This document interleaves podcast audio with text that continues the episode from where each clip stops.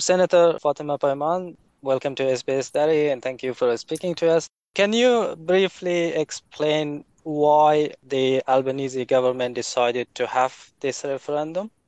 Thank you for the question, Sam, and thank you for having me on your program. Uh, it's very important for us to realise that this proposal, this generous invitation for a voice to Parliament, was requested by Aboriginal and Torres Strait Islander people through the Uluru Statement from the Heart in 2017. So, as the new government, when we were elected last year, it was on our agenda to make sure that we unite the country, we bridge the gap, and we listen. We listen to our First Nations people so that we can achieve better results when it comes to policies that impact their lives.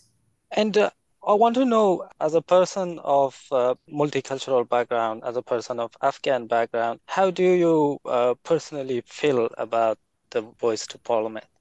I, as as someone who's lived in this country for 20 years, cared for this land, contributed to the economy for the last 20 years, I'm a drop in the ocean of the 65,000 years of culture, knowledge, and wisdom that Aboriginal and Torres Strait Islander people bring to our identity as Australians. And I think it is very important for new Australians like myself to acknowledge that our identity is fundamentally uh, of an Indigenous foundation. Like, we cannot neglect or refuse that reality. And we are better and stronger for it if we realize that our identity as Australians is made up of an Indigenous foundation, a British democracy, and a multicultural unity. Uh, as a person of faith and as a person of um, colour, I strongly resonate with justice and equality. You know, this is an opportunity for Australians to stand up for that justice and to fight for basic human rights. You know, our young people, you know, have the opportunities to go and get an education at universities, whereas First Nations children are suffering with high rates of incarceration, poor health conditions, uh, very low educational levels. Like it, it's just you know, in a first world country like Australia, our First Nations people should not be treated like third class citizens. And uh, coming to the no campaign's arguments, uh, they have labeled the voice to parliament as divisive, claiming it will essentially divide the nation by race. Uh, what's your response to that? The voice is an opportunity for us to unite. And like I said, each and every Australian focuses on equality as being one of our core principles of what makes us Australian.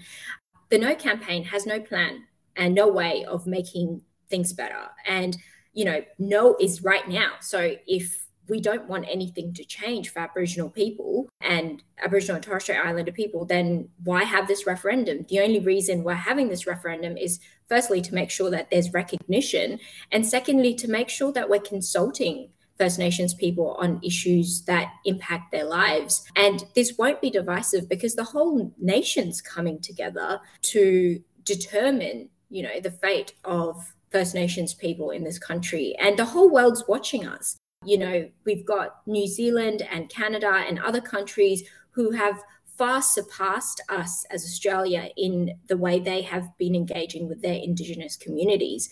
And, you know, we all know Albert Einstein, and Albert Einstein has, you know, famously said that if we are doing the same thing and expecting a different outcome, then that's the definition of insanity. And I think it's really remarkable that people within our communities are going out and saying, no, we don't want to improve the lives of Indigenous people, you know, insulting the intelligence of Australian people and saying, if you don't know, vote no. But I would rebut that and say, if you don't know, find out more. Like there's heaps of information and resources out there. You know, this is our opportunity once in a generation to improve the lives of First Nations people. If things haven't changed all this time and, you know, we're not getting the outcomes we want. Like out of the 20 closing the gap uh, targets, only four is on track. And I think it's just unfair. Like this is this is an act of justice, not an act of charity.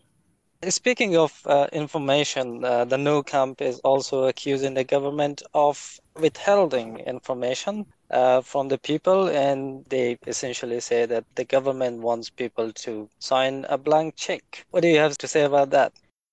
Well, you can see my head shaking. When we ask the Australian people to vote yes or no to this constitutional amendment, it's to first understand whether the Australian public is for a voice to parliament. Once it has been successful, then through legislation and through the usual parliamentary processes will we debate and decide on the scope, the power, and the design of what a voice to parliament is about. And, you know, if people have actually gone out there to look at the, the constitution, like our law book, it's a very slim book. Like I can literally fit it in my back pocket. It's that small because our constitution determines the what of, you know, our uh, fundamental um, rules in society, not the how.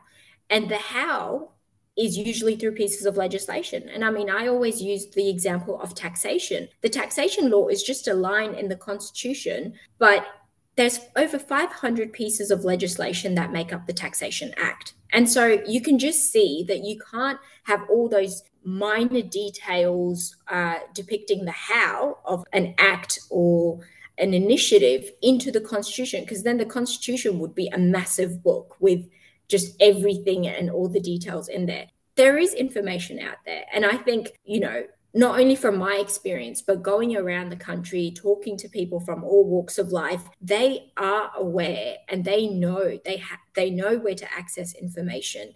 You can't just say that there isn't enough information or the government's withholding anything. We've been transparent about the process. This is something that Aboriginal and Torres Strait Islander people have asked us. You know, just the three things: voice, treaty, truth. And this is the first step. Like we really need to start realizing that this isn't a political campaign. This isn't a Labor Party branded campaign. This is simply the Labor Party supporting a grassroots level campaign, which was initiated by Aboriginal and Torres Strait Islander people. And uh, there is another group of Australians who intend to vote no, um, and uh, although they are not actively campaigning against the voice referendum, but nonetheless they want to vote no. They want people to vote no. And uh, their argument is that the proposed voice is uh, symbolic. It will not have the power to uh, address uh, the systematic issues that are um, faced by the uh, indigenous community. Is it symbolic? It's symbolic in its unique way that we are going to get the ball rolling when it comes to consulting with people. Like constitutional amendment and constitutional recognition isn't a new concept. In 1999, John Howard wanted it, you know, the then prime minister, he wanted Aboriginal and Torres Strait Islander people to be recognized in our constitution as a preamble, right? Having that consultation piece it's a no brainer because whenever we are trying to make decisions on behalf of women or if parliament wants to make a law around you know ir laws um, or any sort of piece of legislation that will impact a particular group they consult those relevant people. And that consultation piece has been missing when it comes to aboriginal and torres strait islander people. We want better outcomes. We want better results. And that happens by listening and we haven't been listening. And when Aboriginal and Torres Strait Islander people came to the nation in 2017 and presented the Uluru Statement from the Heart, it was very simple. It was clear cut. I know that there are senators, independent senators, who say that this isn't enough. Like they want more. They want a treaty to be established. But we need to make sure that we're taking measured steps towards progressive and productive reform.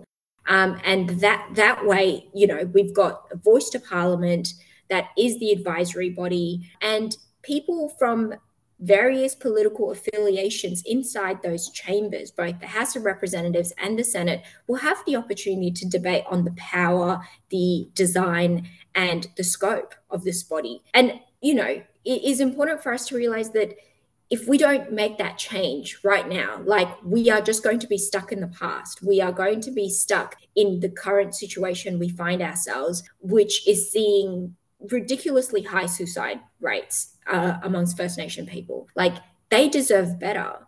They truly deserve better.